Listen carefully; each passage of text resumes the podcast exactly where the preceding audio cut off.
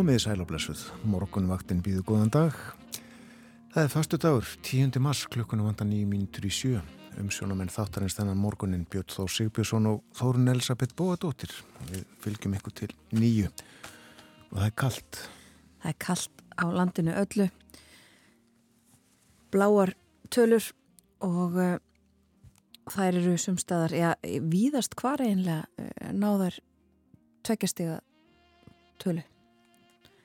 Það var hlýjast í vestmannegjum klukkan 6 í morgun. Eh, þar var fjórastega frost og 10 metrar á sekundu. Var 11 gráðu frost í Árnesi. Í höfuborginni 9 stega frost, heiðskýrt og austan 2 metrar á sekundu. 11 stega frost á Kvanneyri, hægur vindur þar líka. 8 stega frost og létt skíðað í Stikisólmi. 6 metrar á sekundu þar, norðaustan. Nýju stegafrost á Patricksfyrði og átta stegafrost í Bólungarvík, norðaustanátt og fremurhægur vindur. Nýju stegafrost líka á Holmavík og nýju stegafrost á Blöndósi klukkan 6. Þá tíu stegafrost við Söðanesvita á Akureyri, Húsavík og Rauvarhöfn klukkan 6 í morgun var létt skíjað og 3 metrar á sekundu á Akureyri. 11 stiga frost á skjaldþingstöðum og á eigilstöðum þar var skíjað og norðvestan 8 metrar á sekundu. Á 9 stiga frost á höfni hotnafyrði, á kvískerjum og á kirkjubæðuklustri var 11 stiga frost og nánast lokn klukkan 6 í morgun. Og kuldatölunar upp á hálendi 16, 17 og 18 stiga frost. Og frostið á landinu í dag 6 til 13 stig sínist mér og uh, norðlega ráttir áfram ríkjandi vindræðin 5-13 metrar. Jél á norður helmingilandsis, bjarta mestu sunnandil. Þetta var um veðrið, uh, nógum það í bíli, uh, meira á eftir, förum ítalegar yfir þetta eftir frettinnar klukkan 7 og svo ætlum við að tala sérstaklega um veðrið á morgunvaktinni í dag. Eftir morgun frettinnar klukkan 8 þá verður Einar Sveinbjörnsson viðfræðingum með okkur hvernig stendur eiginlega á þessum kulda. Já. Lagt á dasgranu hjá okkur í dag, við förum betur yfir það á eftir en uh, ég held að uh, það sé einar rétta í stuðinni að setja lag á fónin. Það hlýju okkur með smá dilli.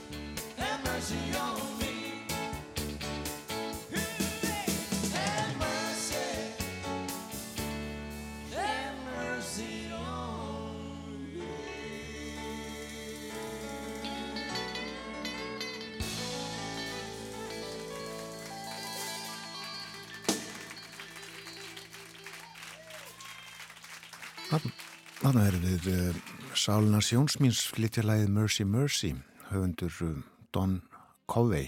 Sami 1964 og þetta á margir hlutt til dæmis Rolling Stones og Jimi Hendrix. En uh, hvers vegna lieku við þetta lag? Jú, vegna þess að um, það er í dag 35 ár síðan að þessi hljómsveit Sálina Sjónsmíns kom fram í fyrsta sinn Og það var í bíokjallaranum sem að þá var nýr skemmtistaður í kjallara nýja bíós við lækjagötu. Það uh, brann svo setna. En uh, hljómsveitin starfaði í einn 30 ár uh, og gerði það gott. Samstarfinu slítið fyrir fáinum árum.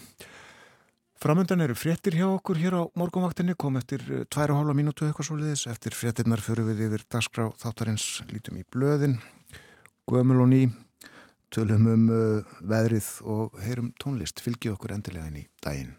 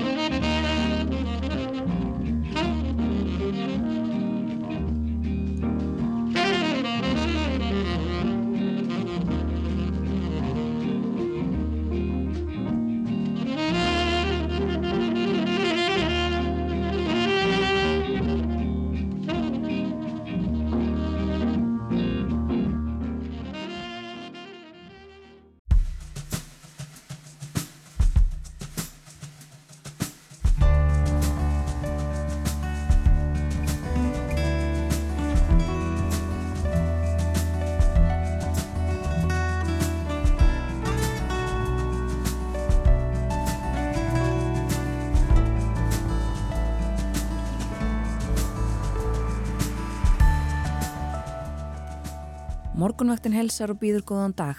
Í dag er förstu dagurinn 10. mars. Umsjónumenn þáttarins í dag eru Björn Þór Sigbjörnsson og Þórun Elisabeth Bóðadóttir. Og það er kallt á landinu þennan morgunin en finnist fólki ofkallt núna, já þá er rétt að það búi sig andlega og líkanlega undir enn meiri kulda. Kvikasilfrið leitar niður á við og frosti verður á sömum stöðum líklega full nálagt 20 gráðunum um helgina svona fyrir smekk flestra. Einar Sveinbjörnsson veðufræðingur kemur í þáttin eftir morgunfrettinnar klukkan átta og ég segir okkar hvað er á segði í veðurkerfunum og hvort þetta kvöldakast muni standa lengi. Anna Sigriður Ólafsdóttir, professor í næringafræði við Háskóla Íslands, kemur til okkar á undan einari. Ráðlaður dagskamtur af salti er meðal þess sem við ræðum í dag. Við innbyrðum allt og mikið af salti.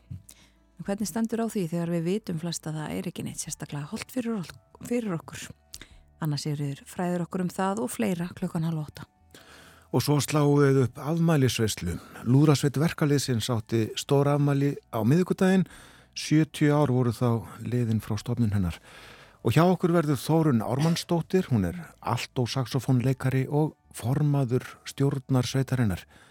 Við spjöllum um sögu hennar og lífið og tilvöruna í Lúrasveit verkaliðsins. Og já, það er kallt á landinu og viðurspáin er einföld og stutt, bæði horfurnar og hugleðingar frá viðurfræðingi. Norðlega 8-5 til 13 metrar á sekundu í dag og morgun jél á norðurhelmingi landsins en bjartað mestu sunnan til og frostið 6 til 13 stig á morgun. Svo er þér áfram kallt í veðri og uh, frostið alltaf 15 stegum kaldast inn til landsins. Það kvessir og bætir í jél austan til um tíma á mánudag og þriðudag. Það er bara kallt og uh, kaldara framöndan. Það er mitt það. Hugum að færða á vegum og uh, nefnum fyrst að það er ófært á Faradal og Fjardarheiði, mókstur er hafin á þessum leiðum, ófært er á Vaskarði Eistra líka og uh, þá er það uh, Vesturlandið hálkublettir þar á nokkrum leiðum aðalega fjallvegum, greiðfært víðast hvar. Það er þæfingsfærð á þröskuldum, víða snjóþekja, hálka eða hálkublettir á öðrum vegum á vestjörðum. Snjóþekja á nokkrum leiðum á Norðurlandi meðal annars á Auksnatalseiði og Siglufjörðaveiði og víða hálka eða hálkublettir annar staðar á Norðurlandi. Þæfingsfærð á Víkurskarði. Já, eh, kallt á Íslandi í dag, eh, hvernig ætli hittast í þessi öðrum borgum á Norðurlandunum, aðtöðum það, hitti núna við Frosmark í Kaupmannahöfn og skrýður í einhverjar þrjár gráður í dag. Skýtkallt í Ósló, tólstega frost þar núna, en uh, línar aðeins eftir því sem líður á daginn. Fjórastega frost í Stokkólmi, nær kannski einni gráðu yfir hádaginn, tveggjastega frost í Helsingi, og þar verður hiti við frostmark eða rétt undir því kannski í dag. Og það er einstir frost í þósöfni færægum og þar kólnar verður þryggjastega frost í dag og í núk í Grænlandi er fjórastega frost og uh, verður sínist mér. Og þá að uh, öðrum borgum, við sjáum það að uh, núna er nýju stega hiti í París, þrjár gráður í Berlin, fimm stega hiti í Lundunum en skapleira í Róm 14 steg að hiti þar og uh, fyrir 19 gráður í dag. Og hvernig ætli hittast í þessi á Tenerife? Í hú fyrir yfir 20 gráðuna þar. Við kannum þetta stundum og mér hefur sínst yfirleitt vera 20 steg að hiti en uh, alltaf er ekki 24 í dag. Að gamni hittast í því nokkrum borgum. Og uh, ég þá kannski að byrtunni en þá konið að myrkur en uh, það fyrir að byrta og uh, það gerist alltaf uh, fyrr og fyrr að deginum eftir því sem dagarnir líða. Og sólinn gerir vart við sig rétt upp úr áttaði Reykjavík dag en talsvert fyrr fyrir austan og bara um hálf áttaleitið á östfjörðum til að mynda það er stutt í það að klukkan verði hálf átta. Já. þannig að uh, það líður að því að uh, við fyrum að helsa og bjóða góðan dag í björtu. Já, ef ég mann rétt þá gerist það einhver tíman í april Já. sem að svona það er allavega orðið bjart þá þegar við mætum hingað eða svona erum á ferðinni. Akkurat Þetta gerist allt. Það er líka farið að vera bjartara uh, svo miklu miklu lengur á kvöldin. Það munar líka um það. Já Við lítum í blöðin, byrjum á fréttablaðinu, fórsýðum en þess tekin á eðningi sem að haldið var í gær og uh, þarna má sjá vangasveipin, hæri vangan á sex ábúaföllum, karlmönnum. Þeir eru í dökum jakkaföttum og ljósum skýrtum, flesti með bindi, eitt með fránheft og uh, þeir horfa svona frá sér til vinstri en uh, í hináttina, í linsuna horfir hins vegar Áslög Arna Sigurbjörnsdóttir ráð þeirra í eh, appilsínugulum jakka.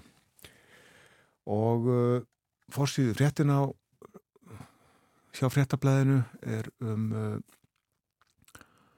um já ég veit ekki hvað skal segja, þetta er tengt þessu lindarkvólsmáli sem að mikið hefur verið fjallað um þá ekki síst í fréttablaðinu og uh, uh, þar hefur uh, verið starfandi Steinar Þór Guðgirsson lögmaður.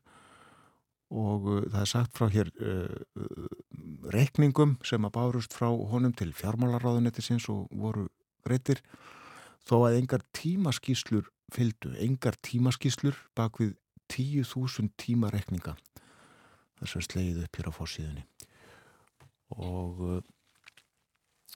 segir hérna fjármálaráðunetið verðist hafa greitt rekninga fyrir 10.000 klukkustund að vinnu án þess að fá tímaskíslur, reglur um útbóð vegna opimbera innkaupa verðast einnig hafa verið brotnar.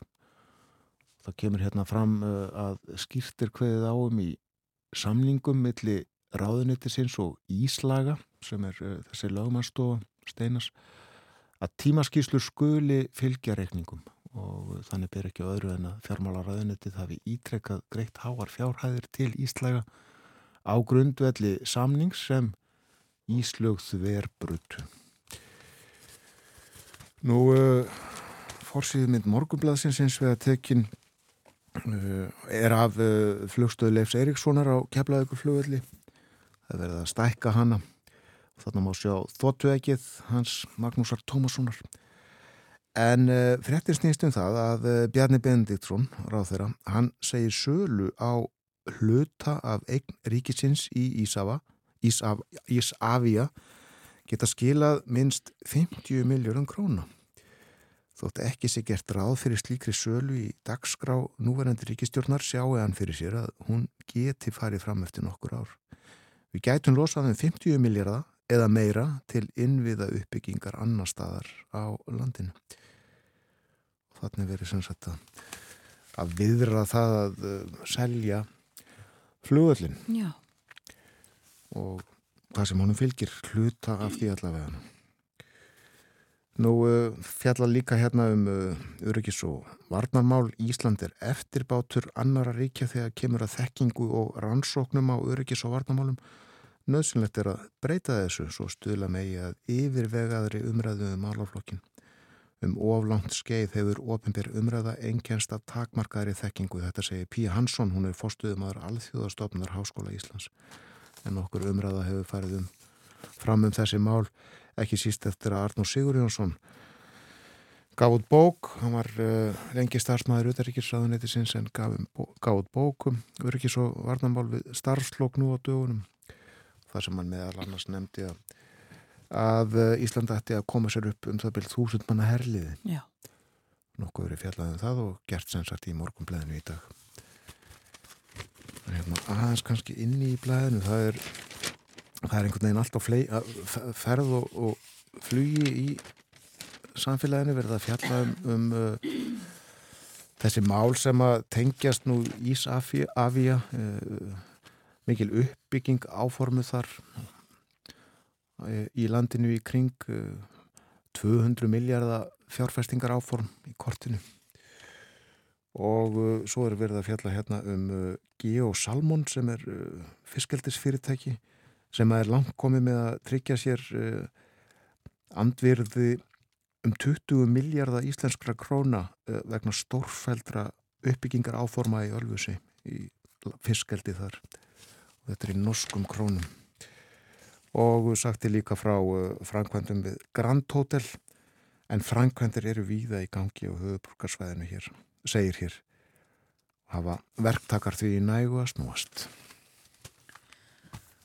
Og já, þá lítið aðeins út í heim. Við heyrðum í frettunum klukkun 7 af uh, þessari skotárás meðal Votta Jehova í Hamburg í Fískalandi og það er fjallað um þau mál víða í Erlendu fjölmjölum í dag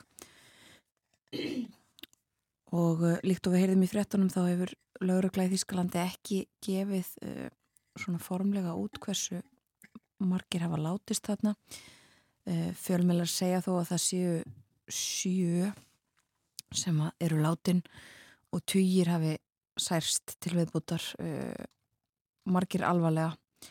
En lauruglan telur að árásamæðurinn geti verið á meðal þeirra látnu vegna þess að allavega ekkit sem bendir til þess að árásamæður hafi flúið þarna af vettvangi.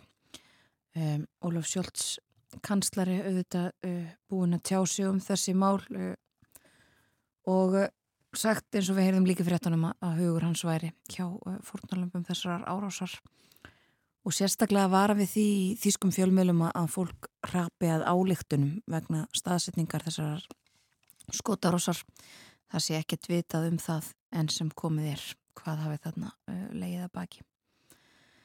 En uh, þetta til umfyllunar já uh, víða í erlendum fjölmjölum í dag sem og fleira fleira sem að tengistu þetta uh, stríðinu í Úkrænu eins og svo oft er það á fórsíðunum Það nefna það að það er fórsýðum uh, nokkur á blada sem við lítum til líka uh, meðal annars á informasjón hennu danska.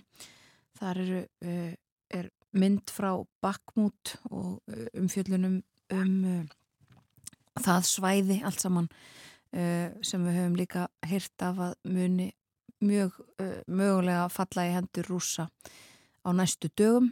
Þar um, þar hefur verið hartbarist mikið mannfall uh, hjá bæði rúsum og úkrænumönnum og uh, talað núna um að þetta geti uh, sagt, fallið í hendur rúsa á, á næstu dögum. En báðar báðar hliðar búið svo undir vor áhlaup. Það verði farið af stað með öðrum hætti þegar það tekur að vora og allir svona að búa sig undir það að það geti gerst. Um, það voru líka gerðar árásir uh, fleiri loftárásir á Úkrænu í gær heldur en uh, hafði verið gerðar í, í langan tíma. Notaðar uh, svona háþróaðar eldflögar sem að uh, fara alveg brjálaðislega hratt yfir, ég held að ég var að lesa það fimm senum hraða hljóðsins eða eitthvað svo leiðis og uh, umfyllunum þau mál uh, við það ekki síst vegna þess að uh, þessar árásir núna undarfarið hafa, hafa þeim hefur tekist að, að skemma innviði í Úkrænu eins og yðurlega hefur verið.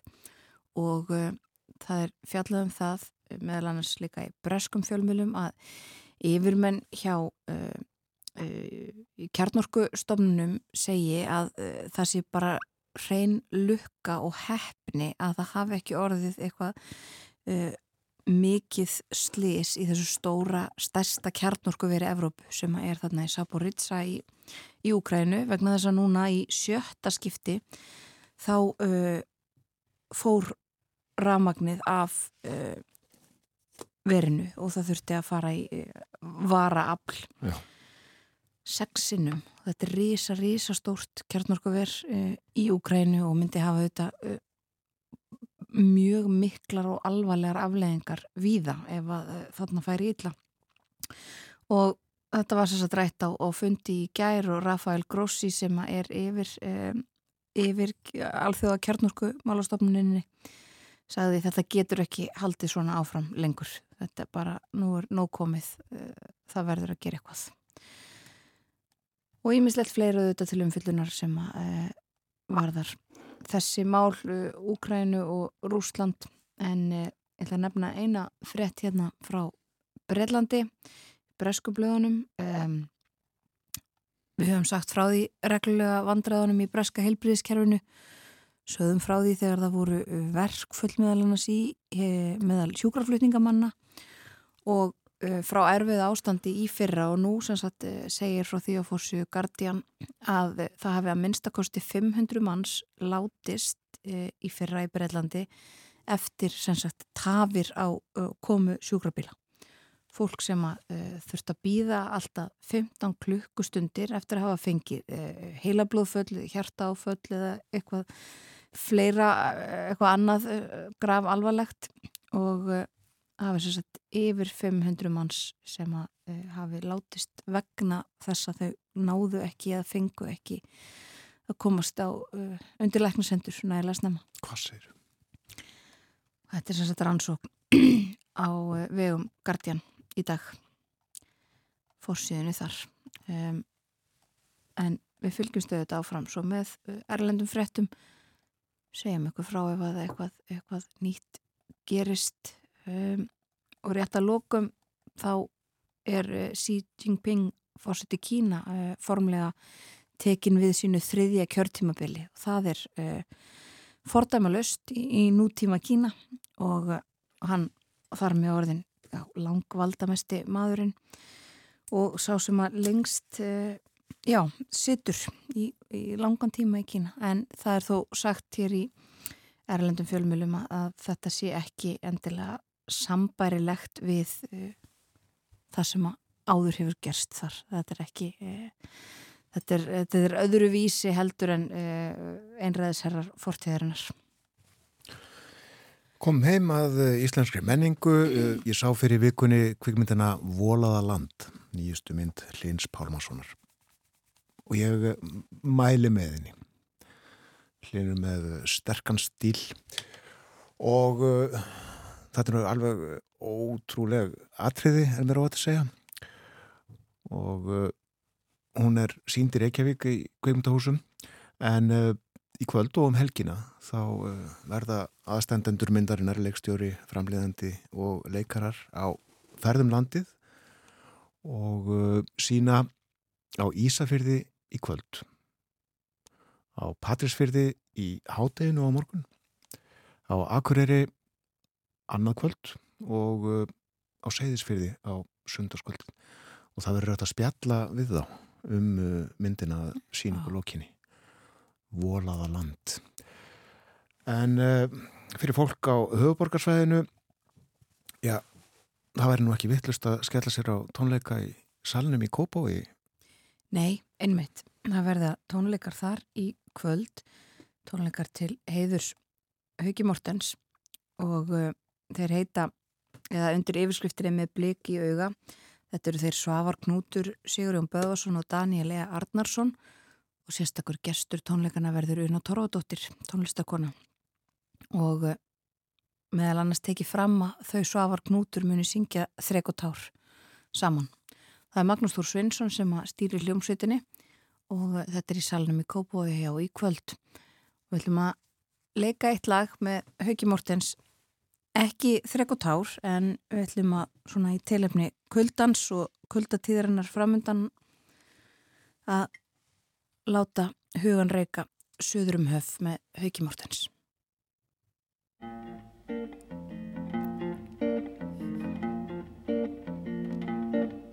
Æ, æ, æ, æ, æ, æ, æ, æ,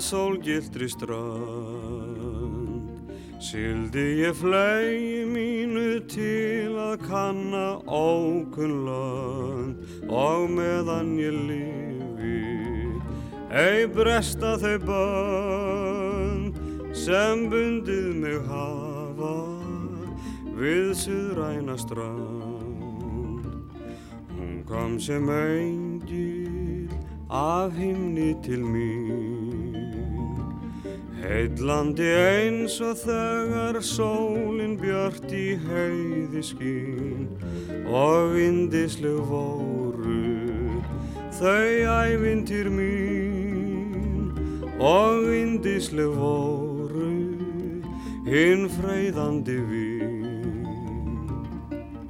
Þegar dagur var komin að kveldi þá var kátt yfir börnum lands. Þá var veysla hjá innfædra eldi og allir stígu vilt andans Suður um höfin að sólgildri strand. Svífur minn hugur þegar kólna fer um heimalönd og meðan ég lífi ei bresta þau band sem bundið mig hafa við suðræna strönd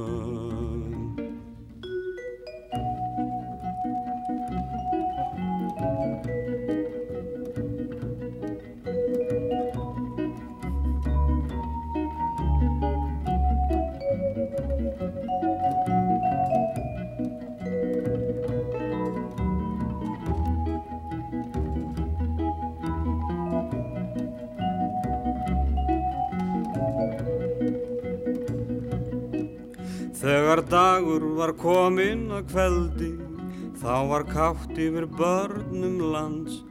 Þá var veysla hjá innfædra eldi og allir stígu viltan dans.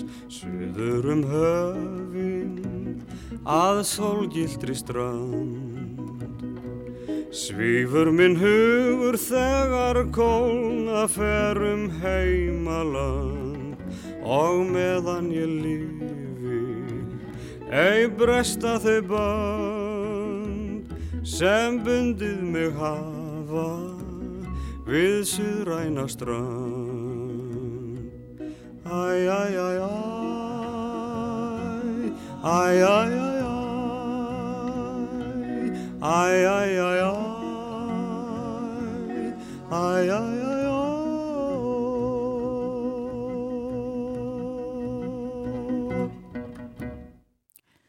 Suðurum höfin, Haugur Mortens söng og eh, leikum þetta í tilöfni tónleika sem að verða haldnir til heiðurs Haugi Mortens og ég fór rangt með hér áðan, uh, sagði að tónleikanir eru því kvöld, þeir eru annað kvöld 11. mars í salnum í Kópói og þetta eru sem sagt Svavar Knútur, Sigurum Böðarsson og Danieli Arnarsson sem að standa fyrir þessum tónleikum og munu syngja. Una Torfadóttir verður gestur þeirra og Magnús Þór Svinsson hljómsveitarstjóri Þetta var ánefa notalagt.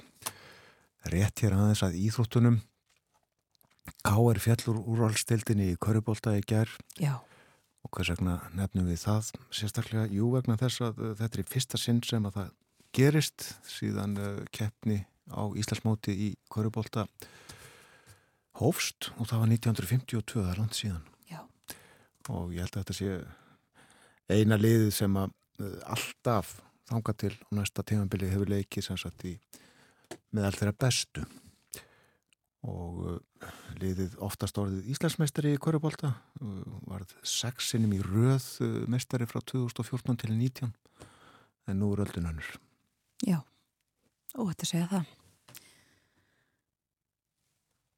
Við hleypum að frettastofunni eftir nokkra mínútur. Yfirleitt morgun fretta næsta dagskrá að loknum auglýsingum það er að segja.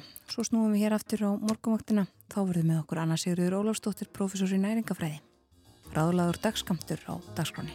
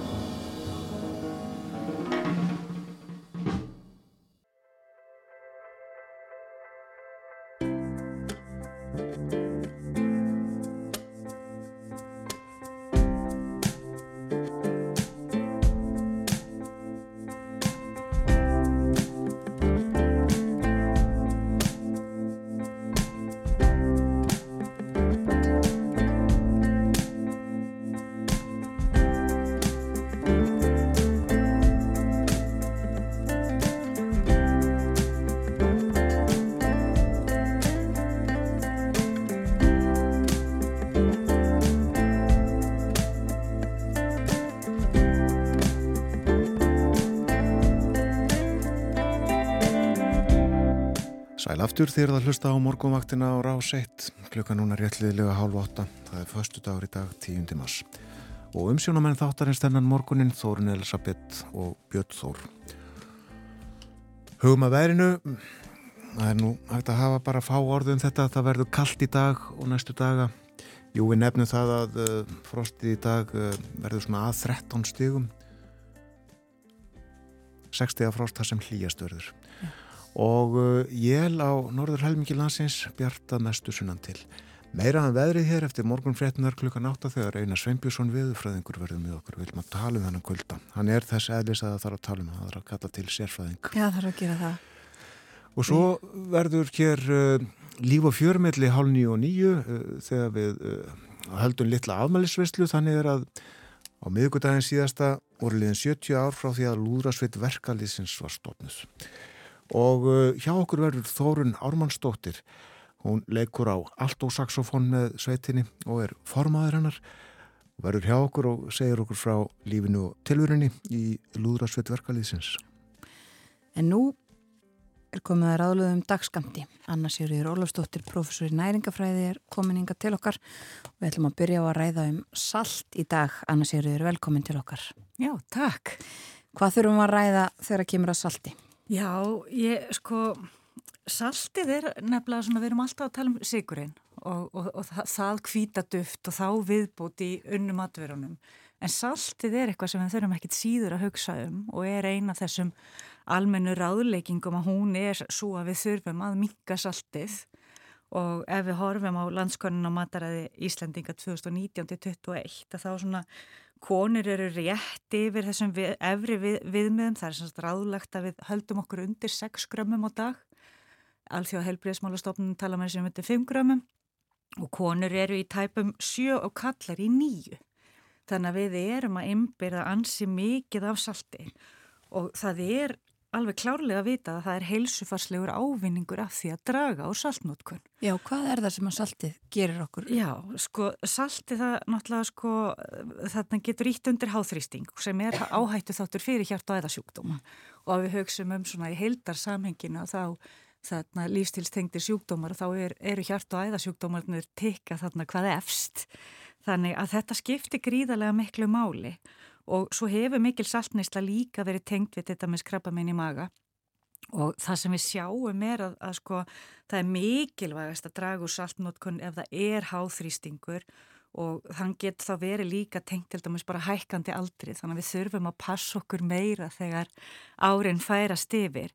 En við sjáum líka sko heilsufarslegan ávinning almennt af því að draga úr saltnótkun og þar er bara stóra máli þannig að dettum við aftur inn á sko það viku eftir viku þá í raun og veru sjáum við að hvernig sko allar aflíkingarnar haldast í hendur að því að matur er náttúrulega þetta munstrið og hvernig svona dagsriðminn hjá okkur er að þetta snýst voðalega mikið um það að draga úr mikið unnum vörum, draga úr því að borða tilbúin mat og borða meira ferskvöru. Já. Þannig að það er alltaf í raun og veru sama heildar stefi þegar við erum að reyna að nýka matnum til í átt að aukinu hotlustu. Og saltið er víða er það ekki þó að blasir kannski ekki við? Jú, það er stundum sagt þetta, þú þarft ekki að leita saltinu, saltið kemur til því. Að, þarna, þetta þarf að vera svolítið meðvitað og þarna tveir þriðja af því salti sem við erum að einbyrða er úr tilbúnum matvælum og þar vegu þingst í raun og veru unnar kjötverur, brauð og ostar, pakkasúpur, sósar og svo tilbúinir réttir og mikið af þessum svona kannski skyndi milli byttum. Þannig að, að þarna er, er, er heil mikið sem við þurfum að hugsa um og margir kannski hugsa fyrst og fremst um sko já, já ég er nú ekkert með saltstökin alltaf á loftið eitthvað slíkt. Akkurat. En það er ekki nema 10-20% af því sem við erum að ymbirða salti sem er það sem kemur til við matreðslu eða því að við bætum við svona rétt við borðið. En þessar uh, maturur sem á nefnir, uh, væru þar allt öruvísi, jafnvel verri ef uh, ekkert væri saltið? Já, þú vilt ekki missa saltinu, sko, það er vandin. Salti gerir gefið munum. Að, að saltin er þetta, þetta snýst um, um, um bræð og það er stundum talað um sko að salti sé svona stækkunar glir bræðlaugana. Mm. Það er að segja að svona ertir tunguna og þá færðu þetta auka og þetta er náttúrulega eitt af þessum grunnbræðskinum. Og þarna, en það sem er vandin er í raun og veru að þetta verður ávani. Það er að segja um leiðu venst ákunnu saltbræði þá þartu stöðu til raun og veru næmið mingar smám saman og þú þart alltaf meir og þetta er þá náttúrulega sérstaklega áberandi með hækkandi aldri á sama tíma við verðum viðkvæmari. Þannig að þetta er svolítið svona flækjusteg og, og þarna það sem skiptir kannski hvað mestu máli það er okkur að býða með að kynna salt fyrir börnum af því að þau eru líka viðkvæmari. Og, og, og svo sannsagt að, að, að bara vennja sig á að nota lítið. Og þá kannski segja margi að það er allt og seint fyrir mig, þú veist, ég bara er að umbyrða mikið og og þá hlýtur ef að, ef að ég er komið þetta lítið næmi þá get ég ekki trappað þetta niður. En við sjáum að hvort sem það er í matvæla yðnaði eða hjá einstaklingum að þá sem þetta takit í skrefum að minga, breyta uppskrift, draga úr, velja aðrar vörur sem er aðeins salt minni. Þetta getur skipt mjög miklu máli og er sannlega hægt þar að segja þjálfa sig og trappa sig niður á við en, en svona kannski stóra máli að það er bara að breyta hlutfullunum í því sem við erum að borða. Þó að sé stundum ein og ein vara sölt að þá þarna er þetta sko að draga úr þessu mikið unna mat. Já. borða meiri faskvöru, borða meira af græmiti, ávistum, grófumiti heilkotni, netum og svo framvegs og þá er ég ekki að tala um saltnitur Er til einhver svona staðgengil fyrir salt eins og til er í sætuöfnunum? Sko, það er, er, er til þarna, sagt, það að nota kaljum í staðin fyrir natrium, kaljumklórið. Það er held ég samt ekkit mjög algengt, en það er sagt, natriumið sem er það sem hefur áhrif á, hérna, á hækkun blóðþrýstingsins, en, en, en það má líka hafa í huga sko að natrium sem að, hérna, því að náttúrulega ég tala líka svolítið aðeins um umbúðamerkingar og þá á ennsku erum að tala um sko sódjum þannig að þetta er, þetta er sama orðið, að, að þetta hefur áhrif á taugabóð, þetta hefur áhrif á samdrátt veðva og slökun og, og svo náttúrulega á vögvajafvægi. Og það er þar líka sem hefur orðið svolítið mískilningur því að við hefum verið að heyra svolítið núni í svona almenningsumræðinu og þegar við erum komið sko samfélagsmiðla og alls konar hérna áreiti að þá er jafnvel verið að tala um sem sagt að við séum að borða of lítið af salti Og, og, og þetta er það sem er svo varhugavert að við erum alltaf að fá mismunandi skilabóð og það að mismunandi salt sé misholt og það er að segja að það sé betra að borða bleikt salt eða grúft salt heldur en fínt salt og hvort það er af landi eða sjó og svo framvegs Já. og þarna er í raun og veru eiginlega engin munur. Það er bragðið sem er ólíkt áferðin, ertir líka tunguna og ólíkan hátt sem gerir að þú farið ólíka upplifun, annað með tilliti til matreðslunar og þess að njóta, þá getur skipt máli að nota mismunandi salt. Það er aðeins annað brað líka út frá þeim hérna, steinefnum sem geta verið til staðar en þau eru það litlu magni sýrlega að þú heldur þér nú innan þessara marka að það er ekki mm. eitthvað sem skiptir uh, þarna máli í stóra samhenginu. En ákveður sko miskilningurinn geti hugsanlega verið beigður á því að við erum, við erum hálma á íþróttanæringu að þá þurfum við ofta að minna fólk á saltið. Því að þegar þú svitnar mjög mikið og þá erum við kannski að tala um umfram það sem gerist bara að þú skellir í rættina rétt í morgunsæður en ert að reyna á þig mikið í lengri tíma hvað þá í kannski miklum hitta það sem er mikil uppgöðun og það sem við þekkjum líka er á Íslandi bætist við sko rókið og þá töpum við vögva og svo drekkum að kannski vatn alveg rosalega rætt að þá getur orðið röskun á vögvajabæinu þannig að það þarf að huga söldum í íþróttadrykkjum og við langvarandi álag og það er kannski það sem veldur einhverjum rugglingi í þessari umræðu og svo náttúrulega sko þarf líka að hafa í huga að það getur orðið röskun til dæmis við uppkvæmst og niðugang. Mm. Þannig að þetta er í raun og verið, þetta er samspilið við vögva sem skiptir máli þannig að, að það þarf alltaf að horfa heildamindina og, og þetta það sem hefur svolítið verið að gera slíki setni tíð er þetta að, að það er þetta sem við tölum um svona tína kirsuberin eða cherry picking að það er lesin ein og ein rannsókn og ekki hort á hvaða hópa verið að horfa á. Er þetta eitthvað sem gildir fyrir fjöldan hverjar eru sérstöðnar og þarna þurfum við bara að vera gríðarlega vakandi í hvað við erum að tala um Sama má segja líka sko að, að þarna til dæmis, þetta fær kannski ekki allt og mikla aðtikli eins og í framalda landskonun hvar við erum stödd með saltið að því að aðferðafræði okkar í rannsóknum og mataræði gerir okkur svolítið erfitt fyrir að áætla saltmagnið. Að því við getum ekki spurti hvað þú settir mikið salt út í Akkurat. pastavatnið eða hvað þú stráði miklu on á uh, en við vitum hins vegar salti sem er að koma þá úr unnumöldverunum og vitum að það vegur þú. Þannig að að það er svona það sem við getum horta á. Það, þetta er svolítið falið. Eh, Já. Rétt aðeins þegar við vorum aðalast upp þá var salt alveg einstaklega óspennandi, var selt í einhverjum svona dungum, eh, einhverju slíku sett í einhverju svona ílát sem að til voru á heimilum en nú er þetta meiri átt að markasetning á bakvið salt, þetta er í falli á hönnuðum umbúðum og, og, og svona fólk á samtölum hvað er besta salti Ég vilt að fólki heima geti séði hérna með hendunar að lofta lýsa saltið, já og Þannig að það er mikið reynd að halda þessu að okkur sko. já, já. já, og við sjáum minna bara tískuströymar eins og sko saltkaramella, saltsúkulaði saltir allt í einu mm. í sælgeitinu líka og allstara sem við höfum ekkert verið að upplifa mikið saltbræð Uh, og þannig að þetta er, þetta kallar sannlega á að við sko, skoðum saltið hjá okkur og, og þá að því ég ætlaði nú svona að kíkja á þetta með eitthvað með sko umbúðamerkingar og, og, og svona það er alltaf verið að reyna að, að steyðja betur við neytandan en samt með markaðs sko hugsunum og því miður bak við eirað. Hva, hvað gerir þið? Lesið á umbúðir? Hvort sem það er saltið annað? Nei.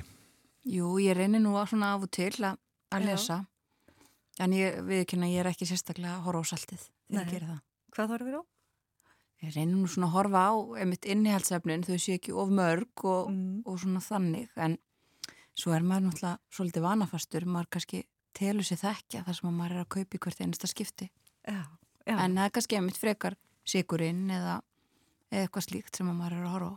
Já, og það er náttúrulega þetta, við erum annars verið að horfa ofta á innihaldslýsingarnar, það er að segja eins og þú mm -hmm. segir sko ráefnin, hvað mm -hmm. eru mörg og hvaða aukefni og annað eru og svo er það þessi næringagildismerking og hún vill alveg vefjast fyrir fólki og það sem er líka flókið er að við erum til dæmis með sko uh, Evrópureglugerðir og eins og við merkjum á Íslandi þá þarf að merkja miða við 100 grömm af vöru. Já. og það er til þess að getur í raun og verið haldið á tveimur vörum og borið þær saman en við borðum auðvitað ekki 100 grömm heldur erum að borða einhverja skamta og sömur skamtar eru meir en 100 grömm og aðri bara brota því sem flækir þetta mjög mikið og í bandaríkjunum horfður þetta oft miða við skamta en skamtarnir er ekkit raunsægir Þannig að þú horfir á umbúðamerkingar á óri og keksi þá sko er eðlilegt að fá þér tvær kekskukur. Hver getur ekki hægt eftir tvær? Það eru fjórar eða þú horfir á sko svona hvað, hvað er með mörgum pakkað saman. Þannig að þetta er oft mjög óröggrétt og kannski sko markasetning eitt og svo umbúðunar jáfnvel til þess að falla það einhverjum kröfum. Og þá komum við að þessu sko að það er lengi búið að vera að reyna að finna einhverja leiðir til þess að auðvelda neytandanum að lesa og þú sért fljótur að sjá því að við líka erum náttúrulega alltaf að takast á við þennan blessaða tímaskort og við erum með á Norðurlöndunum og, og það sem við notum hérna á Íslandi er skráagatið. Já. Hafið þið séð skráagatið? Já. Já. Og nýtið ykkur það? Það kemur alveg fyrir. Já. Skráagatið er svona, já, eins og ég segi, ofinbera merki bæðið ennbættis landlæknis og, og, og matvalastofnunar og mm. það á að aðstokkur að velja svona tollari vörur innan hvers flokks þannig að það eru ákveðin viðmið innan flokks þannig að þú berð ost saman við ost en ekki ost saman við undarennu og þarna og, og, og þarna er sko sagt, annars verður það að vera minni og hollari fitta, minni sigur minna salt og svo meira af trefjum og heilkortni og tilgangurinn sagt, að, að auðvelda val og hollari vöru en þetta er valkvægt að nota þetta og það er vandina í raun og verið að það er ekki allir að nota merki að þá gagnast að neytendanum mjög takmarkað. Þannig að það er framleiðandin sem velur að setja skráagati, það er ekki þannig að einhverju ofinbyrjar aðalega segja þetta má fá skráagati og við setjum hérna einhvern... Jó, en, en, en sanns, það er ekki hægt að skilda þið til að nota. Nei.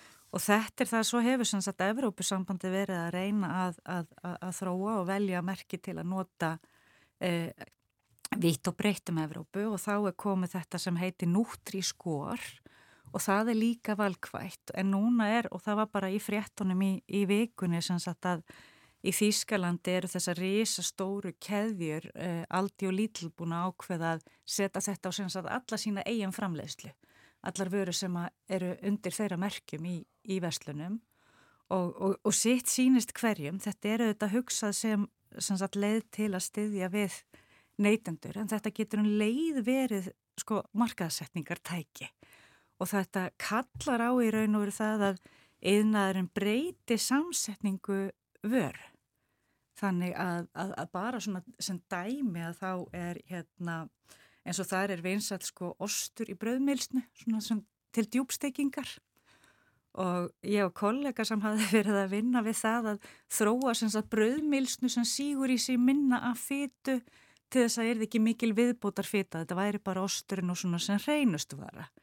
Þetta fellur hins vegar ekki vel að þarna þessu nútrískor af því að nútrískorið á að gera ráð fyrir því að þú notir semst mikri fitu og þá var gott að fá óljuna í bröðmilsnuna til að breyta hlutfullunum í ostinum þá hann kannski yrði heldina fitur meiri af því að þú borðar eitt lítinn tening en ekki Þannig að þarna aftur þetta, þetta tekur ekki tillit til, sko þetta tekur tillit til orku þjætni í 100 grömmum, þar sé að fjöldi kalória í 100 grömmum en ekki í skamti. Og þarna er svona flokkunin frá A til E fyrir trefjar, prótein, mettaða fyttu, sigur og svo orku þjætnina. Og er líka gaggrín á það að til dæmis trefjarnar sko meðan við horfum á í skráagatinu að það þurfa að vera heilkort líka, það sé ekki bara hægt að setja trefjar sem viðbót, heldur viljum við grófari vöru, að þá þarna er í raun og vera hægt með matvala eh, aðlögun að bara uppskriftum í raun og vera að setja í viðbættar trefjar sem eru ekki allar á sömu gæðum þó að það er flokkist sem trefjar. Og, og, og þetta er auðvitað, þetta sko, þetta er, þetta, þetta er svo mikill frumskór okkur gengur ekkit nógu vel að finna eitthvað sem svona er algilt. Og ég, ég leifi mér að evast hér um að það sé hægt að einfalda hlutina svona mikið og það er þetta einfalda ráð sko að, að, að borða bara meira af vennilega mat og velja meira af rá og feskfur og svo minna unnunni vöru að það sé alltaf sko það sem blífur mm. því að við borðum samsetningar, við erum ekki að borða stöku matvæli.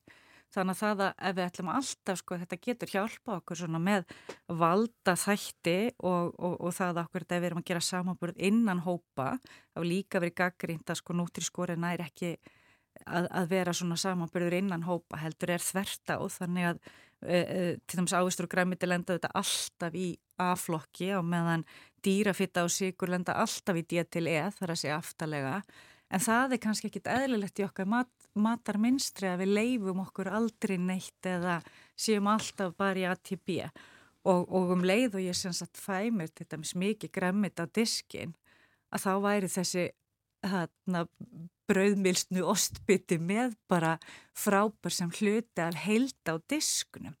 Og það er þetta sem er svo flókið að, að við borðum í samsetningum Uh, og svo gleimist náttúrulega allt sem heitir þetta félagslega, andlega upplifininn að máltíðinni. Mm. Þannig að hvernig við getum náðu utanum er einu verið eitthvað sem að, sem að lýsir máltíðum og mál, máltíðaminstri, það er ofsalega flókið. Það þyrti þá nánast að selja okkur sko heilu matsæðlana en ekki stakar vörð. Og það er enda kannski það sem við horfum svolítið á náttúrulega neytendan í dag í sínum tíma og skortir að horfa á að að það er þetta að, að við sko skinnjum ekki og kunnum ekki samsetningar kannski nógu vel. Það þarf að gegnlýsa uppskriftin á aðléttinum og, og, og sko skoða meðleiti líka. Já, já, þannig að þú þarft alltaf að horfa á heldamændina og sko eitt er að horfa á máltíðina og svo er það náttúrulega að horfa á daginn og svo ef við horfum á daginn þá náttúrulega einn dagur breytir einhvern um leiðu þetta er hundra dagur eða meira þetta fara að hafa verulega áhrif. Þannig að þessar vennjur eru þegar upp í staði það sem við þurfum að horfa á okkar dags, daglega munstur mm. og, og það er bara, sko, já, ég held að svona fyrir okkur öll í heildina þá er þetta bara að byrja, byrja á þessu að hafa nógu grænt og gróft og, og, og passa sko diskamótilið okkar gerir ráð fyrir að þetta sé alltaf eitt þriðja minnstakosti eh, mótilin erlendist tala um alltaf halvan diskin og þetta svona í hvert einasta skipti sem þú borðar ekki bara með kvöldmatnum. Já. þannig að, að, að það væri svona fyrsta skrefið því að laga sér hlutvöld og þá myndir saltið líka minga Akkurat. Hérna, aftur aðeins að saltinu er einhver einföld skýring til á því hvers vegna kallar uh, neyta meira saltseldur en konur Uh, sko, annars vegar er þetta náttúrulega bara þeir borða meira, Já. þannig að þá mm. kemur meira saltinn. Ég hugsa að það sé svona mest ábyrjandi skýringin, en uh, þarna, mér dettur nú svona bara í hugsamt í þessu samhengi sko meðvitund og svo ég hef nú ekki skoðað þetta þarna með teiliti til aldurshópa, en þarna það var að þegar við gerðum landskonun sko 2023 að þá var þetta sko kallarni borða franskar upp eftir öllum aldri en konur hættum tvítögt þannig að það er svona kannski eitt og annað sko og svona við sjáum líka svona hérna hvað það heita svona matur sem þú farð svona til þess að njóta þá er oft hjá köllu með þessi blanda sko fita, prótein og þar fylgir saltið og meðan konurna sækja í bara svona stereotypist í ísin og sæta bitan og súkulæðið þannig að, að það er minna salt Einmitt það. En rétt að lókum annarsýriður, sko, við vorum að tala um þessar merkingar og hvað er geta verið floknar og allt þetta, en hér er bara notast við skráagatið og við getum treyst því að ef við sjáum vöru með skráagatinu að þá e, eru þær betri, hollari fyrir okkur en Ætti aðrar. að vera, en þetta, þetta er samt eins og ég segi, það er ekki algilt og þarna, það er að segja skráagatsmerkingin sem slíka, hún á að tryggja þeir innan flokki að það sé verið að horfa á trefin og prótein, metnuðu, fytun og sigurinn en, en, þarna, en þetta er svona sko þetta er, er eins og ég segi sko það, það, þarna, þú myndir kannski ekki endilega gangi gegnum og gera þetta með allt og, og standa á öllum stöðum. Þetta skiptir mjög miklu máli til að við okkur að velja brauð. Já. og þar hefur þetta kannski svona mest verið ábyrrandi í nótkunn á Íslandi, myndi ég segja og því að það er þetta með trefjarnar að ná upp trefjunum skiptir gríðilega miklu máli fyrir okkur Já, við stöndum okkur ekki nægilega vel þar heldur. Nei. En við höfum ekki tíman til að ræða það í dag. það Gerum það kannski setna. Kæra þakki fyrir í dag, Anna Sýriður Ólustóttir, professorinn næringarfræði við Háskóla Íslands.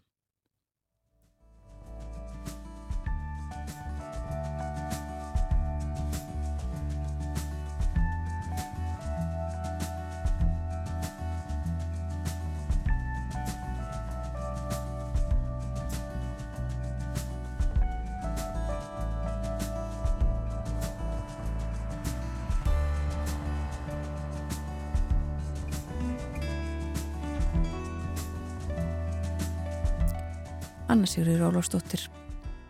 Á leið út í daginn byrjar förstu dagana með okkur hér á morgunvaktinni með ráðlaðan dagskamt og í dag rættum við um salt sem við neytum of mik mikils. Við borðum of mikið af salti konur aðeins of mikið en kallar svo litið of mikið. Og uh, svo tölum við líka um merkingar á matvælum, það er ekkit einfalt mála að koma staði hvað er e, í því sem við kaupum og, og hversu gott það er fyrir okkur. Það líður að morgunfréttum það er koma eftir 6 mínútur frá fréttastofunni og að þeim loknum þá ætlum við að tala um kuldan það er kallt í dag og verður jafnvel enn kaldara næstu daga. Einar Sveinbjörnsson, viðfræðingur segir okkur frá því hvað er á segði en e, fyrst eru það fréttinnar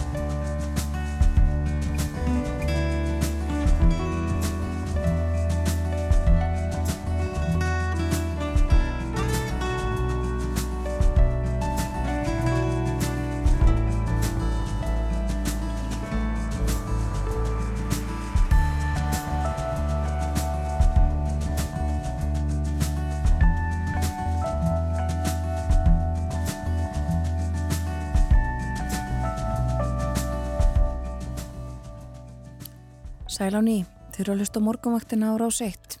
Klukkan er 6 mínútur gengin í nýju, það er förstu dagur í dag, 10. mars. Anna Sýrur Ólafsdóttir, professor í næringafræði var hérna hjá okkur fyrir fréttinnar. Það rættu um saltið og uh, svona merkingar og umbúðum. Það eru ekki einfaldar og ekkit endilega verið að gera okkur einfaldara að sjá hvað er í matnum sem við köpum okkur.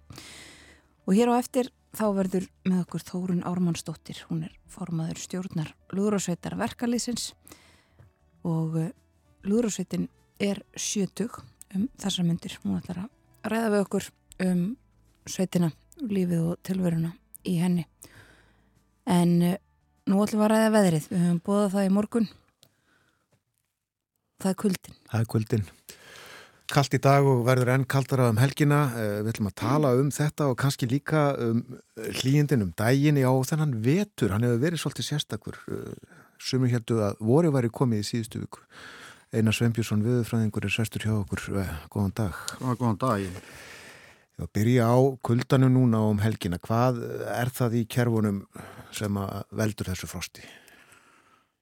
Já, það er nú bara stuttasvarið er það að það er, við, það er að heimsækja okkur kallt loft úr norðri. Það er sem sagt við, við fáum yfir okkur hreinræktað heimskutaloft sem að er mótað af, af ísa, ísasvæðunum og þar er hvað kaldast um þessar mundir í mars og fram í april og uh, aðstæðinir eru þannig eða hálóttavindinir eru þannig að þetta lofta beinist, kjarnið þess að beinist til okkar í stað þess að svona venjulega þá heldur þau sig frekar vestan Grænlands og er að rella íbúa í Kanada og Norðuríkin bandaríkjana en hérna það hafa, hafa orðið talsverð umskipti á vindum í hálóftur núna síðustu vikurnar sem að hafa gert það verkum að vægi kaldast á loftsins að það hefur færst austar á heimskvöldarsvæðunum þannig að það er komið núna, það er við Norðugrænland og, og Norður á Svalbardða og það guðsast úr þessum kalda polli hinga Suðurabóin ekki bara yfir okkur heldur líka yfir Skandinavíu. Og ég heyri því voru að lesa hittatölur í morgun sko. Þetta rýmar allt sama saman, það er kallt meðal hans í færiðum og, og söður um alla Skandinavíu og söður í norður Európu og, og það hefur snjóat alls eftir Skotlandi þegar það geta að opna skíðasvæði þar í fyrsta síni mörg ár og hérna ráða sér ekki fyrir kæti. Þannig að hérna að þetta er nú svona Þetta er svona helst ástæðan. En er þá að samanskapi skapleira núna hérna í Kanada og, á Östuströnd bandarækjana hérna ofalega, norðalega heldur með vennilega? Það er ekki, það er ekki sami vetur nú þeir eiga að venjast og sérstaklega ekki sérstaklega ekki við vestu Grænland. Við heyrðum, heyrðum hérna háar hittatölur þar, hittin kosti 15 stegi núk bara núna um helgina og þetta verður svona, það eru það myndast hér fyrirstöðu hæðir á, á norður Allandshafi þegar að hægir á ringgrásinu og við rekjum það til þessara svo kallu skindilínuna sem varði í heikválu í 16. mars. Það var bara einn atbyrðu þar sem öll, öll hérna ringgrásinu hún raskast. Og það tekur svona halva mánuð fyrir, e, fyrir hérna þessa tröflun upp í heikválunum að ná niður að yfirbori jarðar. Og e, við sjáum í mildtíðinni myndast miklar hæðir og þær e, hana rekur síðan til vesturs og með henni lít loft og vestu fyrir Grænland og, og þar með verður, verður raun og veru fasaskipti að það vikslast öll þessi, þessi hefðböndu kerfi. Og þetta gerði 16. februar? Þetta gerði 16. februar nákvæmlega já, sem að þessi, þessi, hérna, þessi skindilínun varð þegar að sterk vestanáttun upp í 30-40 km hæð varð skindilega að hæga, hægri austanátt, getur við sagt. En vestanáttin er ríkjandi þarna allan veturinn og eftir því sem að hún er sterkar og öflúri þarna uppi að þeimun meira meiri aflgjafi er í djúbu læðirnar hér okkar slóðum. Já, og við erum auðvitað að tala um þetta vegna þess að þetta er óvinnilegt. Já, þetta er, þetta er já, óvinnilegt sko, skindilínin er svo sem ekki óvinnileg, hún gerist suma vetur en ekki alla og stundum, stundum fáið tvö svoleiðis fyrir bæri á, á hverjum vetri og, og, og, og þetta eru miklu leiti tilvörunlega kentir atbyrðir þegar hafa í förðum með sér eh, hérna mikla breytingar í ringirásinu og veðri um, ekki bara um allt norðurallasafið heldur á öllu norðukveli jarðar. Um, það sem að er kannski það sem hann finnst kannski vera óæðilegt eða óvenjulegt þennan vetun það er hvað hann hefur verið koplóttur það hefur verið óbáslega mikil umskipti. Já. og ef við bara byrjum á byrjunni því að fólk, jú, fólk man ekkit úðalega langt, jú, ef að hlutinir rifjaður upp að þá kemur þetta nú sko. Og Sko henni íslenski vetur er reyndar desember til, til hérna mars eh, eins og veðustofan skilgirinnir hann en við byrjum bara í november þá var novembermánuður og margir mun að það var alveg sérlega mildur. Það var, þegar eh, upp á staðið þá var þetta hlýjast í november í svo mælinga svona landsvísum og, eh, og Meðalheitin bara til dæmis en í Reykjavík var yfir 5 gráður. Þetta líktist fremur mæ, góðu mæmánuð eða venulega mæmánuð heldur en, heldur en svona höstmánuði síðla höstins. Og, og þetta stendur fram í byrjun desember en 4. til 17. desember þá skiptir algjörlega um tíð og upp frá því að þá verður kallt á landinu öllu og, og ekki bara kallt á landinu öllu heldur kemur að þannig út að þetta er, þetta verður, er talin vera kaldast í desember sem kemur aftur sem hlýja nógabær frá 1973 á landsvísu og svo kaldast í Reykjavík. Að jafn kaldur á 1916 þurfum að fara 102 ára aftur í tíman og hann var sérstaklega kaldur í sunnan og vestarlands vegna hægveðris og, og still, það var mikla stillur og, og mikil útgeðslun og uh, það var, var óvanlega þurrt og, og hár loftristingur líka. Og þetta stendur svona fram yfir áramót kannski nær hámarki þarna dagana milli jól og nýjárs og rétt fyrir áramót og uh, þá líkur þessu, þessu, þessu óvinnulega langa og samfélta kvöldaskeiði sem að tók svona 6-7 vikur því lí, líkur svona smám saman um og fyrir miðjan januar og þá tóku við umleipingar með lægðum sem við þekkjum alveg ágætlega. Og, og, og, það, og þær stóðu í tengslum við það að þessi hálóttakverfi hátipi heiðkvólun var smám saman fóran vaksandi og endaði með því að að böna yfir okkur hérna djúpum og miklum lægðum byrju fyrstu vikunni februar þá var tíðin hvað, hvað verst hvað það varðaði með tilherandi hei, sérstaklega samgönguturblunum og sérstaklega ekki síst var það flugi sem að lendi í vandræðum, millinlandaflugi og innlandsflugið það voru mikla tæfur og mikla örðuleikar svona frá 30. 29. janúar og, og til 11. og 12. februar og þá getur við eiginlega sagt sko að að þegar að, að hægði aðeins á þessu vesturlæðum þá tóku við hér kannski tíu dagakabli sem var, getum sagt að hafa verið svona inn að geðsalapa eðlilegt vetrafiður það sem að skiptist á, skiptist á breytilegi dagar, það snjóaði dálítið eh, og komu, komu einhverju stormar og, og, og, og sveiblur í hittanum í kringum nullið það er svona það sem að tengir við vetrafiðaráttuna en, eh, en síðan sko fóru svo, svo, eftir það þá fór sko ringar á sinna raskast og það tók sér bólfestu við Skotland heilmikil hæð og hún náði að beina til okkar mjög mildur lofti e, í, og það var í, svona í kringum 20. og annan februar eitthvað svo leiðis sem að þessu, þau umskipturðu og þá brá til sunnanáttar og mikill að leysingar og ég held að hitin á Akureyri hafi þrýgang hverið yfir tíu stík á þessum kabla og hérna og þetta stóði tengslu við þessa hæð við Skotland. Það var eins vel staðsett og hugsa skatt upp á það að fá loft söðularar ættar hinga til okkar. Og hér eru skemmtur á vegum? Hér eru skemmtur á vegum og, og það tók upp allan snjó og skíðasvæðin lokuðu og, og ekki bara ekki bara hér sunnan og vestan þetta er líka fyrir norðan og austan þó, norðan, já, norðan og vestan. Eitthvað skára ástand og austfjörðum. En, en þetta stóð til um það byrj 5. mars og þá var enn einn breytingin um leið og hæðin barst vestu fyrir og þá opnaðist í raun og veru fyrir kaldaloftið í norðri sem hafi verið að sapnast aldrei upp eða sapnast fyrir e, þessa, þessa, þessa daga með sunnunóttinni og þá voru í raun og veru öll, öll fyrirst að farin og þá ekki bara gata flætta til söðus heldur var það líka þvingað af vindum hér hæra uppi til þess að, að, að riðjast söðurabóin. Já. Þetta eru mikla breytingar og, og alls konar veður sem við hefum haft hérna í vettur. Er það ekki óvinnilegt? Jó, þetta sko, ég hef nú ekki alveg róluð með þetta, hvað, hvað við verum að sjá mikla sviftingar innan sama, sama hérna vettursins. Við verum vanar því að vetturinn, hann eigi sér, hann einkennist af ykkur ákvörna, kannski sér tvískiptur eða eitthvað slíkt og veðurlega og við verum að hafa í huga að vetra veðratón á Íslandi er gríðarlega breytileg og fjölbreytt. Þannig að við köllum nú ekki allt um okkar í þessum efnum.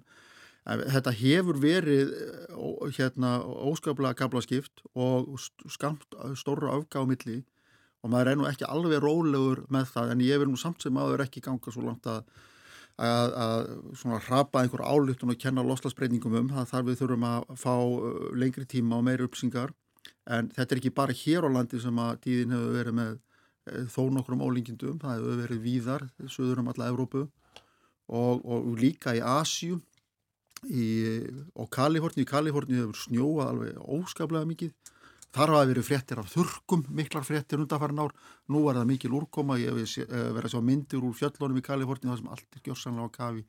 Í Kína til dæmis að þá hefur verið alveg sérlega hlýtt siðist í landinu ótrúlega miklar hittar en nýrst, í nýrstu hérðum Kína þá hafa verið sett kuldamitt þannig að það verið miklar hittaanstæður og í Japan þá hefur fengið fregnir á því að það snjóaði mikið hér eh, fyrra árinu en, en, en svo varu núna síðustu daga að hafa verið eh, hittar með þvílikum ólíkindum.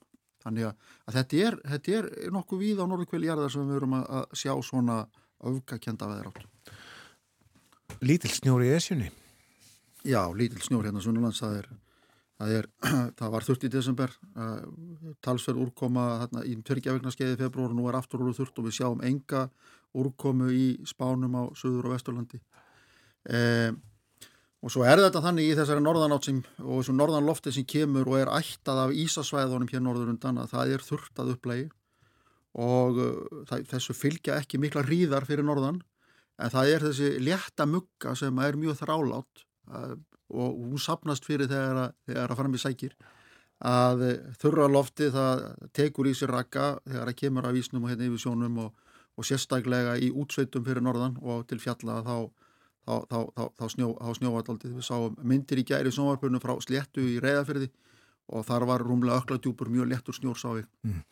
Tölum aðeins um kuldaneinar, við uh, höfum yfirleitt bara eina tölu fyrir uh, hvert svæði, uh, nýju stiga frost til dæmis í Reykjavík núna, en það er ekki þar með sagt að það sé nýju stiga frost í allir Reykjavík, það getur verið hlýra á einu stað miklu kaldar annar stað. Já, við sáum það í kulda, kuldakablánu sem var í desember og fram í janúar að, að kuldan var mjög miskipt eftir, eftir svæðum og þetta sjáum við með, með hérna, fleiri hittamælum, ekki bara viðstofan og við bústaðaveg og sáum við gerðnan hérna í Efri byggðum og stað sem heitir í Víðidalur sem er, við, er, er hérna næri ellið ánum þar var, fór frostið yfir 20 stig nokkru sinnum og meðan það voru, voru bara 8-9 stig í Vestubænum og þetta eru þetta svona víðar og við getum séð það til dæmis núnum helgina þegar á að vera eitthvað kaldast uh, við þessar aðstæður að til og með á Akureyri þá getur getur orðið svona mikla sveiflur. Ja, þegar að norðanáttin þegar hún gengur niður, norðangólandi gengur niður og þá verður sunnan læna sem á upptöksin alveg upp á hálendinu sem að sem að streymir út eigafjörðin og þá get ég get alveg trúa því að, að frostið er í 20 stig við flugöllin á, á Akureyri en svo þurft konum á brekku þá er það bara í 8-10 stigum. Og ég fylgir um að 6-7 út, út við Krossanesborgir og út við eigafjörðin þannig að, að, að þessi miskipting hún verður mikil þessar aðstæður, það myndast kuldabotlar, myndast þessar, þessar staðböndnu köldur lænur sem að falla bara undan þunga sínum og, og þessar staðbundnum spár sem við erum að glíma við að gefa út bæði við á bliku og svo viðstofan að, að þær eru nú ekki alveg að höndla þetta næginlega vel og, og við sjáum það til dæmis á, á blikusspánum að kuldin er doldið yktur sérstaklega deginum, náum ekki dægursveiflunni en að betri að, að nætturlægi og, og sérstaklega er, er þetta erfitt á, á þeim stöðum þar sem að eru djúpur fyrir þér á fjöll og stutt í, í mildari sjó úti fyrir. Já, þannig að þetta er eh, ekki bundið við flugvöldinu á Akureyri 20 eh, stíða frostum helgina. Nei, nei og sérstaklega inn, inn, inn, inn, inn á hálendinu en, en við erum í raun og veru eftir að tóka kólanuna þá vorum við fyrst núna að sjá 20 stíða frost og þennan veturinn hefur við ekki enn síð hittan fara niður í mínus 30 og og ég být alltaf spenntur og sjá hvort að það gerist núna eða þessari lótu núna. Það geti gerst um helgina, já. Ég ætla ekki að segja að það geti gerst það er, alveg, það er alveg aðstæður til þess. Og sérstaklega það sem er snjóri yfir fyrir norðan vegna þess að, að, að við tökum eftir því á Suðurlandi að, og hérna á höfðborgarsvæðinu að yfir daginn, sólunir orðin kom það átt og loft það hlínar, hún næra þess að hitta og dragur frostinu yfir miðan daginn En þar sem er snjóri yfir og það er endur kasta sólaljósið og þar eru við með kaldar aðstæður yfir daginn. Þannig að ég ætla ekki útloka að það geti ná 30 þegar hann lægir hér eftir helgina til dæmis inn á, inn á, inn á fjöllum Maurudal eða inn á Hálendinu. Er uh, kallt bara uh, svo langt sem hún sér fram í tíman? Spáin gerir ráð fyrir því að, að mestukvöldin verði fram yfir helgina og síðan taki við hæglætisveður en áfram kallt yfir og og langtímaspátnar sem að ég kíkt á í morgun þar ger ráð fyrir að það gæti orðið breytingar hér eh, undir næstu helgi. En eh, þær breytingar eru þó ekki þannig að við séum að fara úr þessu kalda viðlá yfir eitthvað allt annað, það gæti verið eitthvað svona hlið og svo kólnaði aftur. En það er nú eins og með þessar langtímaspára þær eru nú eins og þær eru og, og aðalatir er það að við höfum sæmilega vissu fyrir spáni næstu vikuna. Já. fram á föstdag næstu viku. Já Við þekkjum uh, viðvörunarkerfið hjá uh, veðustofinni, uh, gulur, appisnum gulur, rauður, komin svolítið reynsla á það. Já. Finnst þér að hafa tekist vel upp? Já, alveg, alveg þokkalega og þetta er það sem að fólk skýlur. Það er kannski eini, e, eini gallin er sá sko að, að sko almenningur er orðin það aðlæðar þessu kerfi að, að ef að er ekki gulviðvörun í gangi þá gerist ekki neitt.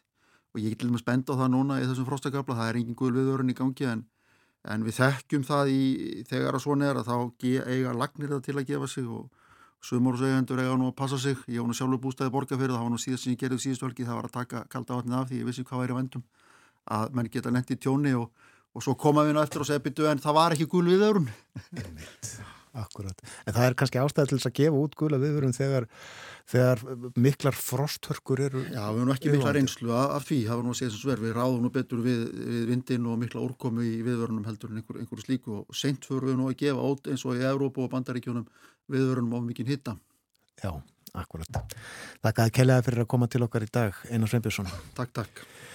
Já, uh, veðrið eins og það er og uh, ástæða til þess að tala um það uh, það er sem sagt kallt og mun kólna enn frekar og uh, frostið vel 20 stíg sumstaður um helgina. Uh, Einar Sveinbjörnsson nefndi flugullin á Akureyri að kemur þannig sunnan vindur og hálendinu ískaldur alveg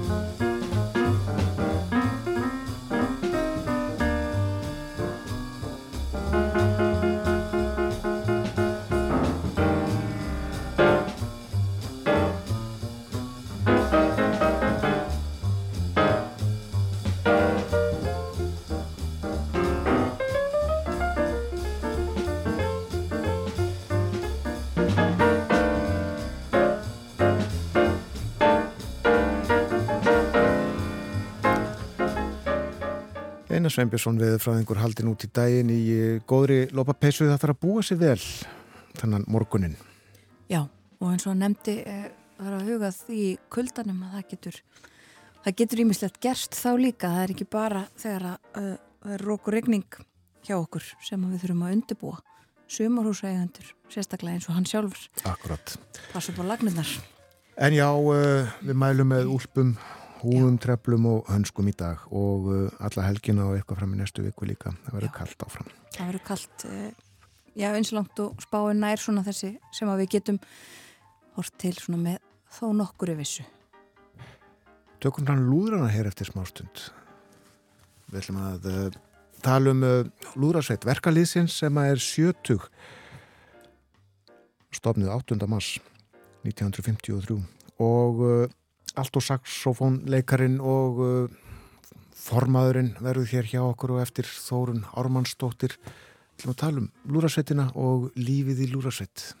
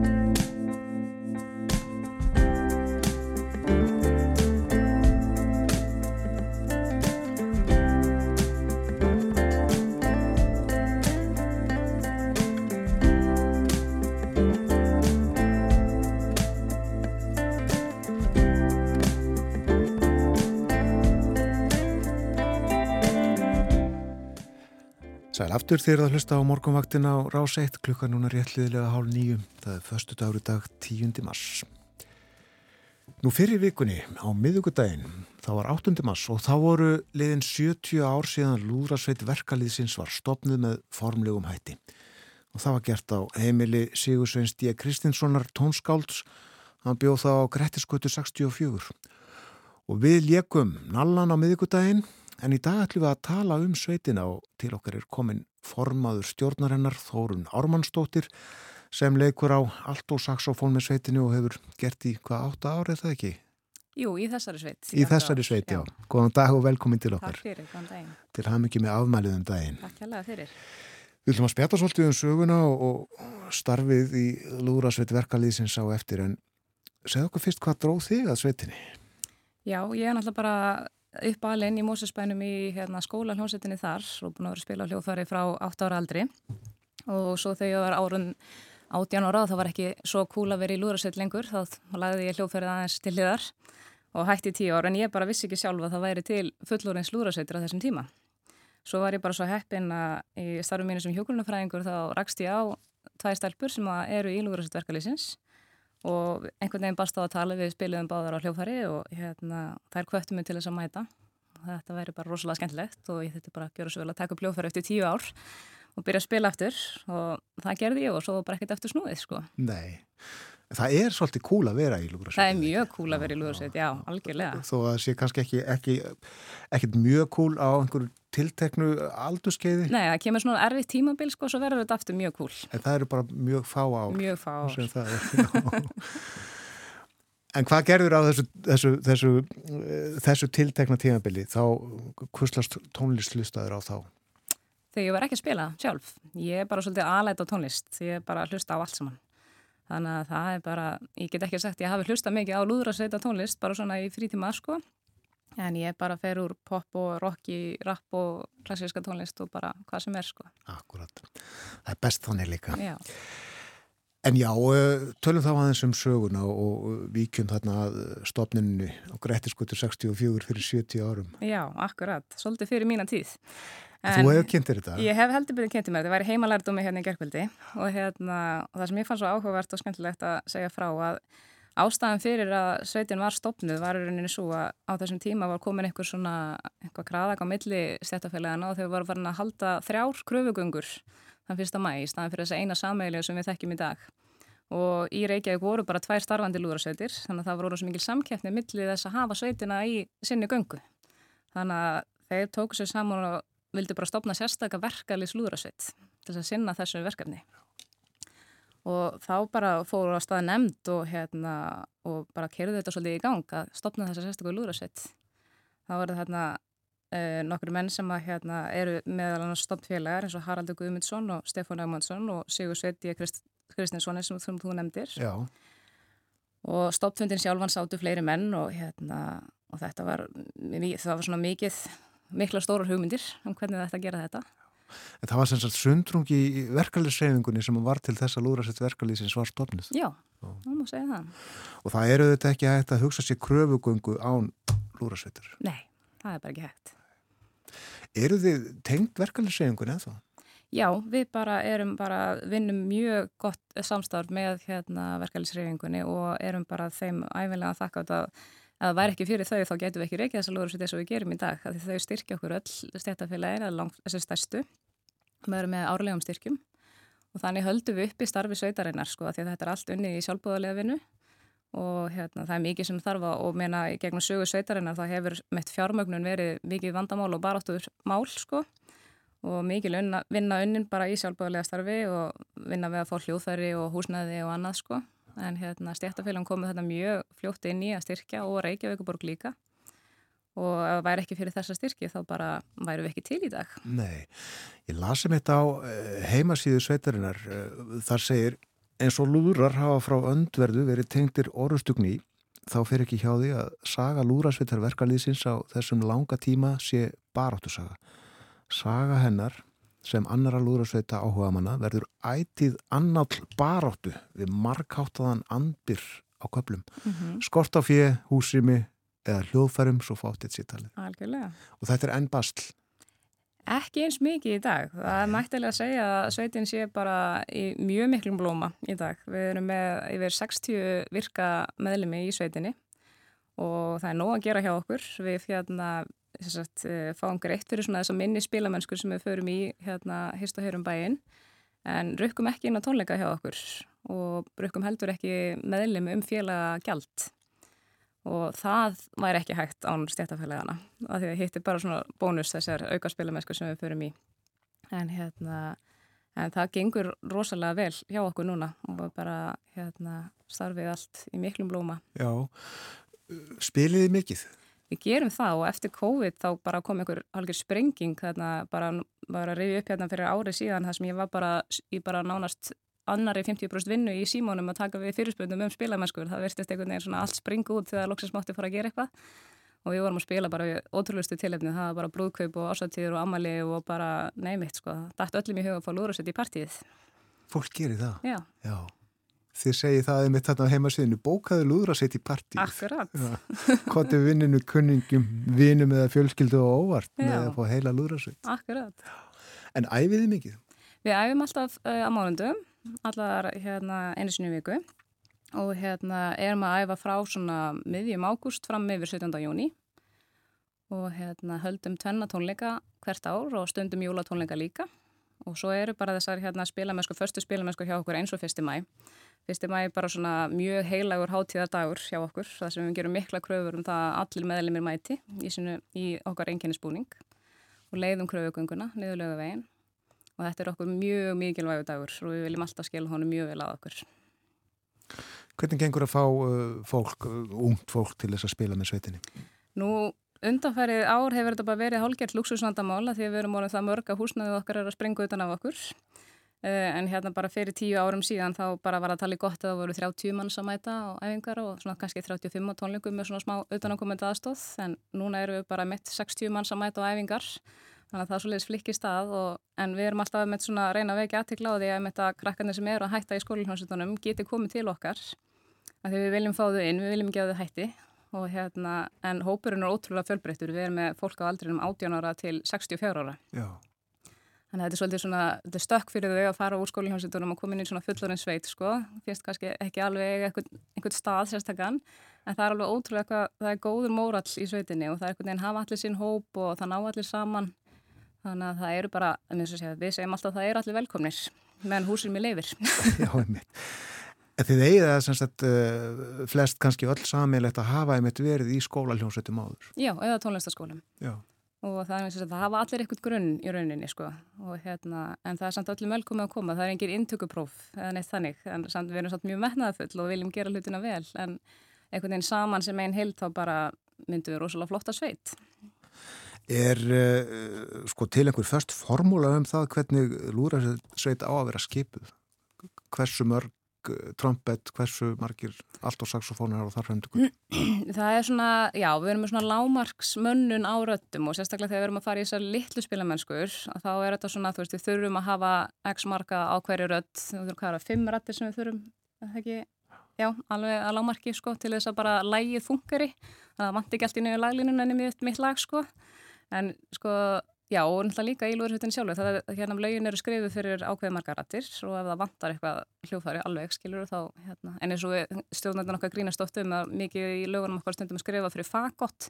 Og við erum ekki minna á fagottleikara þannig að hún nefnir svona alltaf, já, hérna kemur fagottleikarinn og það heyrist ekki neitt og það, hérna, en það er svona ekkert svona krúsjál en við erum mjög vel mönnuð í öllum tildum núna, það er bara alveg stórkvæslegt. Lúrasveit getur verið, uh, þú sagðir, við hefum verið 30 og uppi 60, mm -hmm. 70 fleiri jafnvel. Já, algjörlega. Það er ekkert svona, þú veist, það er allavega, það er ekkert hámark en það hérna, er lámark hjá okkur. En það er að vera líklega ákveðið jafnbæði mitt í hljóðfærarna. Algjörlega. Já, og rattana. Já. Já. Hvernig uh, veljiði laugin, segði leikið? Sko stjórnandun okkar hefur svona uh, um Karin Sturluson sem er hérna 11. stjórnandi sveitarinnar frá upphafi og fyrsta konan til þess að vera stjórnandi og tók við okkur 2018. Hún hefur svolítið séð um lagavalið en við svona í stjórninni fáum að hafa svona smá input í það en hún er alveg stórkvæsleg, hún bara liggur yfir þessu bara nótunum saman skilur við að finna út hvaða lögin er langur að spila og hún velur alltaf ótrúlega skemmtileg prógram og hérna þannig við treystum henni bara algjörlega fyrir því og þetta er bara rosa misjáft, við höfum tekið kvikmyndatónlinga sérstaklega sem spilum bara kvikmyndatónlist svo tökum við kannski einhverja einstaka, einhver, einstaklega tónskáld fyrir og svo erum við bara stundum bara með allt í bland. Er hægt að uh, útsetja eiginlega alla tónlist fyrir lúðarsveit? Nánast, þú myndur ekki segja það.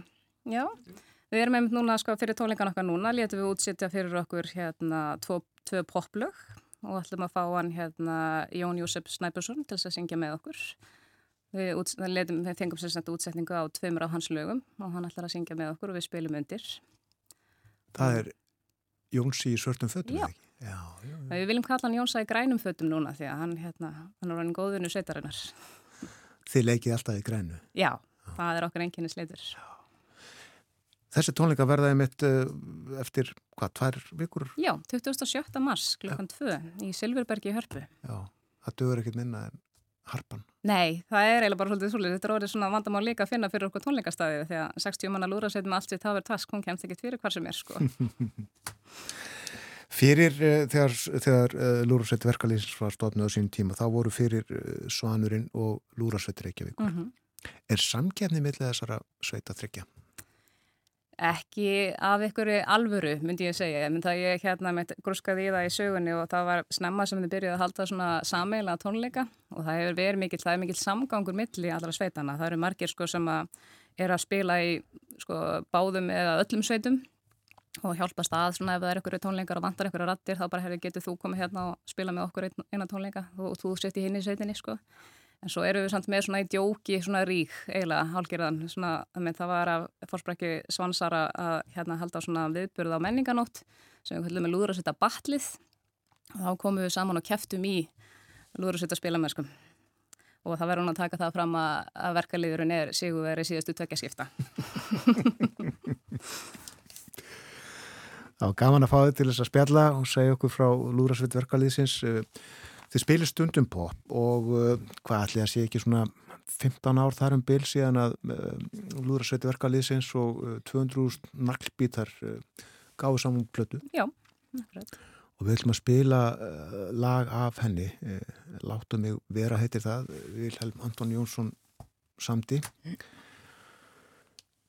næst getur fólk heist í eitthvað sannsagt 20. og 7. mass Já, og frýtt inn að sjálfsögðu eins og alltaf Frýtt inn eins og alltaf hjá. Lúrasveit verkalýsins mm -hmm. Þakkaði kellaði fyrir að koma til okkar uh, þennan morgunin Þórun Ármannsdóttir formaður Lúrasveitar verkalýsins og uh, allt og saxofónleikari uh, þetta er fyrir, fyrir þína tíð það heyrist ekki í þér í þessu lagi er Nei, því miður? Takk fyrir komuna Takk fyrir okkur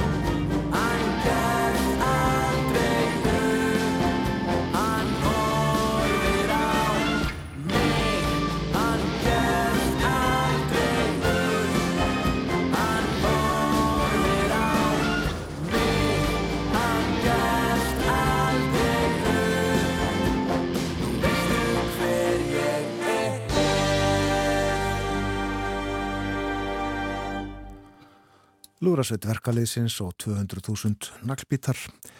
Láttu mig vera, Vilhelm Anton Jónsson samti, villi naglbítur eins og hann er kallaður. En hjá okkur áðan var formaður Lúrasveitarinnar Þórun Armannsdóttir eh, tilefnið. Lúrasveit verkaliðsins er 70, fagnaði 70 afmæli á miðugudaginn. Gerir svo með tónleikum eftir tvær vikur í hörp. Og það verður frýtt inn, þannig er það á tónleikum hjá Lúðrasveit verkaliðsins. Já, og uh, Lúðrasveit verkaliðsins hvar Þórun er formaður, æfir í húsnaði sínu í Þórunartúni. Já. Og þau eru alltaf í grænu. Já, og Jóns í grænum fötum eins og hann sagði verður með þeim á þessum tónleikum Jón Jósef Snæbjörnsson. Akkurat. Við borðum á mikið salt Það var uh, svona það sem við tökum út úr spjallið okkar í morgun um ráðlaðan dagskamt við önnu Sýriði Ólafsdóttur, professor í næringafræði. Já, við borðum að mikið salt og uh, 75% held ég hefur lesið, allavega svona í, mikil meira hluti saltsins sem við neytum kemur úr unnum matverum og það er þetta uh, sama stef, við hefum að borða matinn sem næst uppbrunna sínum. Akkurat. Og við þurfum að búa okkur vel um helgina það verður uh, ískallt á landinu. Einar Sveinbjörnsson veðurfræðingu var með okkur. Veðrið hefur verið mjög óvinnlegt í vetur, uh, sveiblast til og frá. Já. Það hefur verið köplótt sáðan. Akkurat. Og uh, með þessu þá ætlum við að ljúka morgumvættinni. Við ætlum að enda þetta á lægi Rolling Stones, Almost Here You Say. Við segjum takk fyrir okkur og góða helgi. Verðið sæl.